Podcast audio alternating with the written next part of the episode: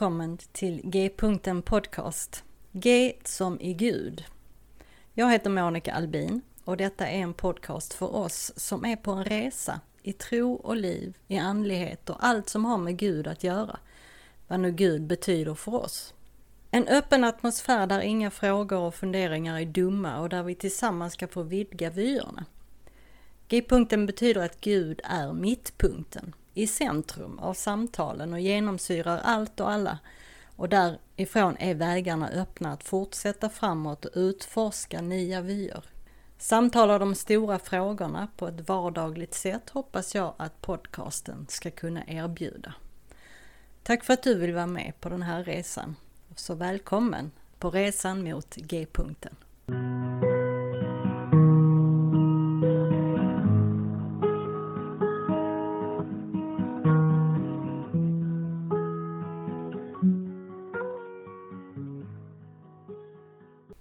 Hej och välkommen tillbaka till G-punkten Podcast. Idag är det påskdagen och det är en dag av fest och uppståndelse. Men förra veckan så lämnade jag ju er med onsdagskvällen, det som hände i Jesu liv den där stilla veckan som ledde fram till påsk. Så idag fortsätter jag med torsdag, fredag, lördag och söndag. På torsdagen var när eh, Jesus åt den sista måltiden med sina lärjungar. Det var också den gången, den kvällen när han i Johannesevangeliet står det att han tvättade lärjungarnas fötter och gav dem ett exempel på hur de skulle vara mot varandra. Men här firar Jesus sin sista måltid med sina lärjungar innan han ska dö och då instiftade han sin nattvard. Och nattvarden den består ju av bröd och vin, alltså mat och dryck. Och när Jesus bryter brödet och delar ut till sina lärjungar så, så ger han dem livet. Och när vi firar nattvarden så får vi livet. Men i det här fallet är det inte vilket bröd och vin som helst utan det är ju han själv. Kristus gör sig själv till mat och dryck för oss. Kan det då tydligare sägas att vi lever av Kristus? Att vi tar emot vårt liv ur hans hand? Brödet och vinet är Kristi kropp och blod för oss utgivna. Men brödet måste brytas för att kunna delas ut.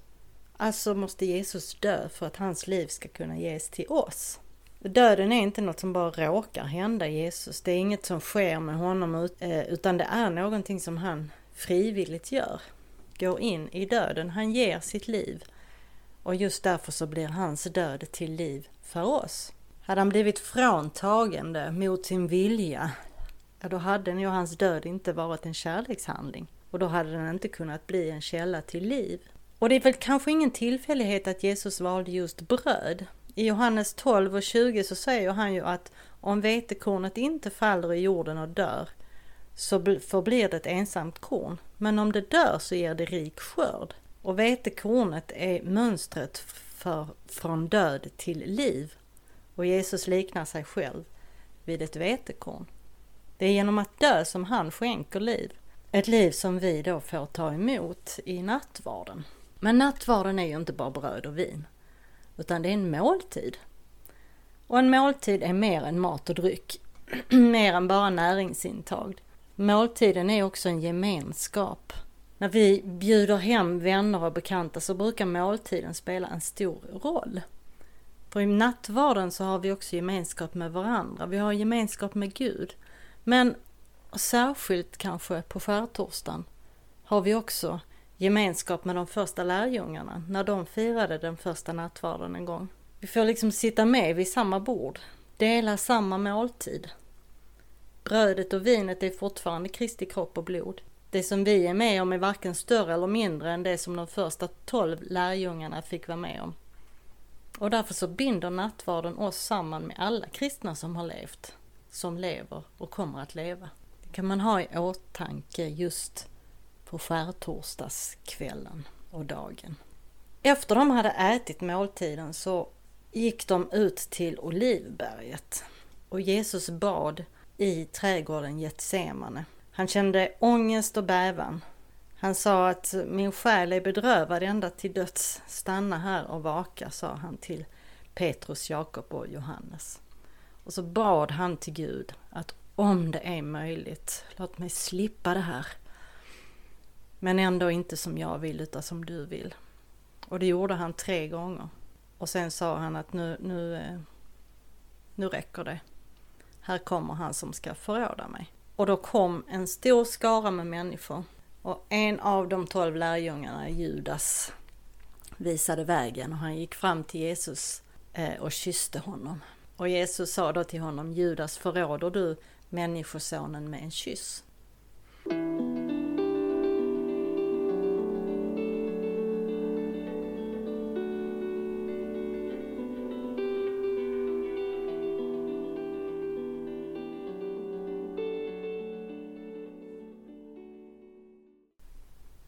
Jesus blev alltså fängslad, och fick tillbringa natten i en fängelsehåla. Och på fredagen så blev han alltså utsatt för fuskrättegångar. Och till slut så fick han ju komma då till eh, Pontius Pilatus, den romerske guvernören. Han var känd för sin grymhet. Och han kommer att vara den som dömer Jesus att bli korsfäst. Men så drar han in en Eh, man som heter Barabbas, eller Barabbas. I filmer om Jesus korsfästelse så har det visats, eller så har man liknat Barabbas med ja, en rubbad seriemördare eller någonting liknande, en riktig eh, Jack the Ripper. Men Barabbas han var en, eh, en judisk rebell som hade lett uppror mot den romerska ockupationsmakten. Och så hade han dödat någon under det här upproret och det var därför han var fängslad. Förmodligen en romersk soldat eller judisk medlöpare. Så Barabbas sågs ändå som en populär hjälte bland Jerusalems eh, invånare. För de längtade ju också efter frigörande från romarna, från den utländska ockupationen, till vilket pris som helst. Och vissa gamla Nya Testamentet manuskript så ger de oss Barabbas hela namn, nämligen Jesus Barabbas, vilket betyder Jesus, Faderns son. Barabbas är en rivaliserande Messias. Så på långfredagen här får vi alltså ett val mellan två versioner av Jesus. Jesus Barabbas eller Jesus från Nasaret. Jesus kallar oss att gå fredens väg genom att älska våra fiender och utöva radikal förlåtelse. Jesus Barabbas är villig att kriga för oss och döda våra fiender i frihetens namn. Pilatus frågar, vem ska jag, göra, vem ska jag släppa fri? Jesus från Nasaret eller Jesus Barabbas? Och folkhopen samlades och ropade, ge oss Barabbas, ge oss Barabbas. Och när han frågade vad de skulle göra med den andra Jesus så sa de korsfäst honom. När Pilatus hade frigett Barabbas och dömt Jesus till korsfästelse så togs Jesus till Antonia-residentet där den hela romerska vaktstyrkan iscensatte en falsk kröningsceremoni av mannen som just hade dömts till döden för att ha gjort anspråk på att vara judarnas konung. Först pryglade de honom, sen satte de på honom en krona av törnen, hängde på honom en röd soldatkappa och stack en käpp i högra handen på honom. Sen föll de på knä för honom och hånade honom och sa Leve judarnas konung. De spottade på honom och tog käppen och slog honom i huvudet och hela scenen är fruktansvärd. Det de romerska soldaterna gjorde med Jesus var ett grymt hån och det är ändå den sanna kröningen av världens konung. Detta är det kungliga festtåget för kungarnas kung. Hyllningen är en förolämpning. Kronan är gjord av taggar. Hyllningen är hån och processen är att bära korset genom stan. Tronen kommer att vara själva korset. Ja, det är förfärligt. Men det är också paradoxalt gloriöst för det är precis så här som Jesus Kristus blir kungars kung. Det är så här Guds rike av kärlek stiger in i en grym värld som styrs av hat. Jesus kommer inte att bli kung vid sin återkomst. Jesus blev kung på långfredagen. Och precis så kommer hans rike än idag, genom medlidande kärlek som uttrycks i förlåtelse, inte genom krig och våld. När Jesus stapplade under tyngden av korset så blev Simon av Kyrene, eh, han fick uppgiften att bära det åt honom. Markus berättar att Simon, en judisk påskpilgrim från norra Afrika, han var far till Alexander och Rufus. Alexander och Rufus, de blev sen biskopar i den första århundradets kyrka. Så förmodligen blev Simon själv, den här mannen som bar Jesu kors till Golgata, själv en troende kristen.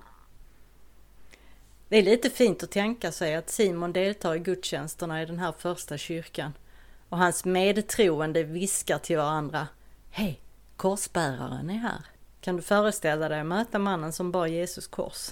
Berättelsen om Simon av Kyrene påminner oss om att det finns gränser för vad vi klarar av. Men när vi når de här gränserna så sänder Gud någon till vår hjälp. När Jesus Kristus, Guds son, nådde sin gräns och inte kunde bära sitt kors längre så var Simon av Kyrene där och bar det åt honom. Vissa dagar kan vi klara vad som helst och andra dagar är allting för mycket. Då behöver vi någon som hjälper oss. Det fanns ett kors Jesus inte kunde bära, men Simon bar det åt honom. Och det är skönheten i Kristi kropp, varför församlingen är så nödvändig. Att vara kristen är inget soloprojekt. Vi kan inte göra det ensamma. Vissa dagar behöver vi till Simon av Kyrenas ära hjälpa en broder eller syster att bära sina kors när det blir för mycket för dem. Och andra dagar är det vi som behöver en Simon av Kyrene. Vare sig vi hjälper eller blir hjälpta så är det Guds nåd. Så har vi nått fram till Jesus död. När Jesus närmade sig sin död så ropade han Min Gud, min Gud, varför har du övergivit mig? Vad ska vi tro om den här försummelsens rop? Var Jesus verkligen övergiven av Gud? Hade Gud vänt sin son ryggen? Fanns det verkligen en bristning i treenigheten? Alltså det teologiskt korrekta svaret är klart och entydigt nej. Men det betyder inte att vi förminskar den existentiella upplevelsen av Guds övergivenhet som Jesus Kristus helt och fullt trädde in i. En upplevelse som händer oss alla förr eller senare. De lösryckta orden Min Gud, min Gud, varför har du övergivit mig? är inledningen till psalm 22. Denna psalm är känd som korsets psalm. Den kan läsas under den här rubriken De sista tankarna hos en döende Messias. Och i salmen så finns flera hänsyftningar till korsfästelsen. Och några exempel är Alla som ser gör narr av mig. De hånler och skakar på huvudet. Han har överlämnat sig åt Herren, nu får Herren gripa in och rädda honom. Han är ju älskad av Herren. Händer och fötter är skrumpnade. Jag kan räkna varje ben i min kropp. De står där och stirrar på mig. De delar mina plagg mellan sig, de kastar lott om mina kläder. Så det här är salmen som Jesus har i tankarna när han dör. Men känslan av Guds övergivenhet är inte alls som, allt som finns i psalm 22. Senare finner vi rader som de här. Ty han föraktade inte den svage och vände inte ryggen åt hans nöd. Han dolde inte sitt ansikte utan hörde hans rop om hjälp. Så Jesus vet vad det betyder att känna sig övergiven. Övergiven av Gud och i sitt lidande ropar han ut de här orden av förvirring och förtvivlan. Men i sin död överlämnade han sin ande i händerna på Fadern, som han vet aldrig kommer att överge honom. Och ibland när vi har gjort allt vi kan göra så finns det ingenting annat att göra än att lägga allt i händerna på Gud som aldrig kommer att överge oss. När Jesus hade gett upp andan och dött så fick Josef av Arimathea och Nikodemus Jesus kropp och de la honom i en nyuthuggen grav i en trädgård nära Golgata. Historien och arkeologin menar att Golgata var ett övergivet stenbrott som användes som soptipp.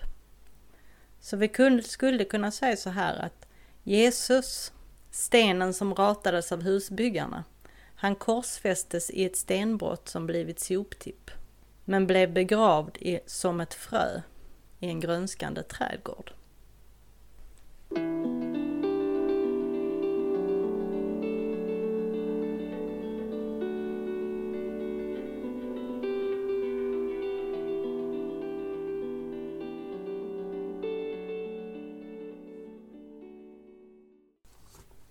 Dagen efter var lördag och det var sabbat.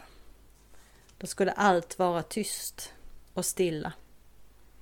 Det är dagen då Jesus verkligen var död och ingen visste vad som skulle hända härefter. Lärjungarna satt och tryckte, gömda och rädda och besvikna. Den som de trodde var Messias, som skulle förändra allt, var död. Och inte bara det, utan torterad till oigenkännlighet och korsfäst som en brottsling, hånad, bespottad och förnedrad. Och nu var de livrädda att det här skulle hända dem också. Och kvinnorna, kanske speciellt Mariorna, hon från Magdala, hon från Betania och hans mor sörjde honom så att det värkte långt in i själen. De visste att de skulle behöva gå till graven dagen efter så att kroppen kunde bli ordentligt vidgjord med kryddor och olja. Man kan ju faktiskt inte lita på att två män klarar av det. Alla som följt Jesus var säkert väldigt besvikna och frågade om man... Man visste liksom varken ut eller in. Och vi hoppar gärna över den här lördagen. Vi börjar fira påsken redan på lördagen. Men vi kanske inte ska hoppa över den. För vi behöver sitta med sorgen och frågorna. Och under det här, de här åren av pandemi, ja periodvis i alla fall har det ju var, varit lite av en, en helig lördag, en stilla lördag, en twilight zone. Vad var det som hände? Hur kunde det bli så här? Vad ska hända nu? Hur länge? Och i det jobbiga finna ändå de små ljuspunkterna som får en att hoppas på en gryning. En annan del av den här stilla lördagen, eller heliga lördagen, det är tanken om vad Jesus gjorde då. Ja, alltså han var ju död. Men vad betydde det för honom som Guds son? I den apostoliska trosbekännelsen, den som proklameras varje söndag i många kyrkor, så står det ju om Jesus att han var pinad under Pontius Pilatus, korsfäst, död och begraven, nederstigen till dödsriket och så vidare. Men vad gjorde han i dödsriket då? Den ortodoxa traditionen berättar ungefär att han där befriade de som fanns där. Alltså hela mänskligheten sedan tidernas begynnelse. Och så om intet gjorde han dödsriket. Han besegrade döden som vi brukar säga och inte bara för sig själv utan för hela skapelsen.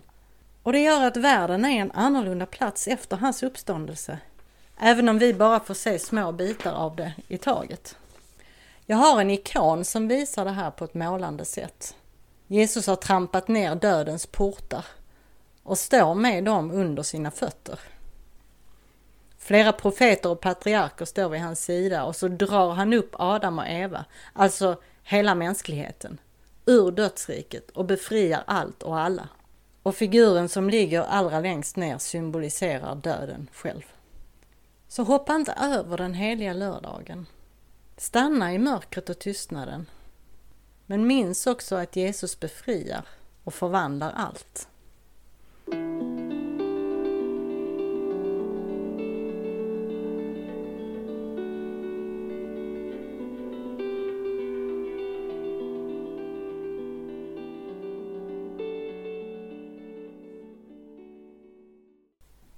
Och då kommer vi fram till påskdagen. Påskdagen, uppståndelsens dag. I kyrkorna runt omkring lyder påskropet Kristus är uppstånden. Ja, han är sannerligen uppstånden. Hade djävulen haft en speciell sång att sjunga på påskdagen så hade det nog varit Slå mig hårt i ansiktet eller Hit me baby one more time. Äh, det var mitt försök till lite humor. Men förr hade man faktiskt det stora påskaskrattet. Som kom av de första kristnas påskskratt. Alltså att vid påsknattens slut så börjar hela församlingen skratta. Dels av glädje över uppståndelsen men också för att skratta åt djävul och död och ondskans maktlöshet. Ett skratt rakt i ansiktet på djävul och död. Ett skämt kan öppna ögonen för en allvarlig sanning. Skämt och humor kan på ett unikt sätt sätta fingret på något som annars inte går att förklara. Uppståndelsen går inte att förklara, den kan bara drabba en, precis sådär som skrattet över en rolig historia drabbar. Vi lämnade Jesus i fredagens mörker och i lördagens ovisshet. Ja, på söndag morgonen, i alla fall i Johannes evangeliet, så kom Maria. Maria kom till graven och Jesus fanns inte där. Stenen var borta, men Jesus fanns inte där. Och hon blev så ledsen. Och så stod där plötsligt någon. Och hon frågar honom, hon tror att det är trädgårdsmästaren. Så hon frågar honom, vad har du gjort med Jesus? Visa var han är så att jag kan hämta honom. Hon är lite badass alltså, Maria från Magdala. Det är ingen som sätter sig på henne. Hon trodde det var trädgårdsmästaren. Och så säger Jesus hennes namn och hon kommer på vem han är. Men att hon misstog honom för trädgårdsmästare, det är egentligen inget misstag alls. Vi sa ju på fredagen att Jesus var stenen som husbyggarna ratade som korsfästes i ett stenbrott som gjorts om till soptipp, men blev begravd som ett frö inuti en grönskande trädgård. Jesus är trädgårdsmästaren som förvandlar soptippar till grönskande trädgårdar. Hon hade rätt när hon såg någon som hade förmågan att vårda och odla en trädgård. För Jesus är ingen konduktör som klipper biljetter för tågresan till himlen. Det kristna hoppet är inte att lämna jorden för att åka till himlen utan för himlen att komma och sammansmälta med jorden. Jesus är ingen advokat som hjälper oss ur en legal knipa med någon arg domare. Gud är inte arg på syndare. Jesus sa åt Maria att tala om för hans lärjungar att hans fader också är deras fader. Jesus är ingen banktjänsteman som lånar ut av sitt överskott på rättfärdighet. Moderna människor älskar ekonomiska metaforer men oundvikligen så alstrar de dålig teologi. Nej, Jesus är en trädgårdsmästare. En trädgårdsmästare som odlar fram uppståndelse, liv i alla som vill komma till honom. Konduktörs-, advokats och banktjänstemannametaforerna, de är för det mesta falska och ger en förvrängd bild av frälsningen. Trädgårdsmästarmetaforen är vacker när den beskriver frälsningens process i våra liv. En trädgårdsmästares arbete är jordnära, intimt och förtroligt. Trädgårdsmästare har sina händer i myllan, i jorden. Och vi är människor av jorden. Av jord är du kommen. Konduktörer, advokater och banktjänstemän bryr sig om abstrakta saker som biljetter, lagar och pengar. Men trädgårdsmästare hanterar levande ting med levande händer. Jesus är inte rädd för att smutsa ner sina händer i den mänskliga myllan. Att Jesus är en trädgårdsmästare med ett gott hjärta och gröna fingrar borde ändra vårt perspektiv. Jag lovar dig att ditt liv inte är så skadad att Jesus inte kan vårda dig till att bli något vackert. Den öppna graven är den öppna dörren som leder från den fula och grymma världen med dess avgrunder och soptippar tillbaka hem till den av Gud avsedda trädgården. Någon som har fångat tanken om påsken som invigningen av en ny värld med Kristus som trädgårdsmästare, det är G.K. Chesterton. Det är ett fint sätt att på påsken eller i väntan på påsken läsa ett avsnitt från The Everlasting Man, evighetsmannen. Det står så här. På tredje dagen kom Kristi vänner i gryningen till platsen och fann graven tom och stenen bortrullad. På olika sätt förstod de undret. Världen hade dött på natten. Vad de nu såg var första dagen på den nya skapelsen med en ny himmel och en ny jord. Och i skepnad av en trädgårdsmästare promenerade Gud återigen i trädgården, i den svala, inte i skymningen, utan i gryningen. I första Mosebok promenerar Gud i trädgården tillsammans med den första människan. Och nu är han åter här i trädgården på första dagen av den nya skapelsen. Så påskdagen är invigningen av den nya skapelsen och vi får vara med och fortsätta breda ut den. En dag ska den fullbordas för evigt, men redan nu, med Jesu uppståndelse, bröt den igenom. Och det som Gud gjorde med Jesus, det ska han göra med var och en av oss en dag. Och påsken och våren påminner oss också, speciellt kanske i den här tid när virus och krig och ovisshet fortfarande finns, att det kommer att bli bättre. Naturen, skapelsen fortsätter sin rytm genom död till liv och vi får gå igenom det svåra och jobbiga. En död på något sätt för att uppstå till nytt liv. Ett förnyat liv kanske. Så låt inte oro ta över dig. som den gjorde med de första lärjungarna. Utan låt den vara som den är. Ta vara på det positiva som kan komma ur det. Låt Jesus vara trädgårdsmästaren som vårdar fram något vackert i dig så att du mer och mer kan bli den du är skapad att vara och en del av den nya skapelsen. Graven är tom. Kristus är uppstånden. Ja, han är sannerligen uppstånden. Ha en underbar påskdag så hörs vi nästa vecka. Hej då!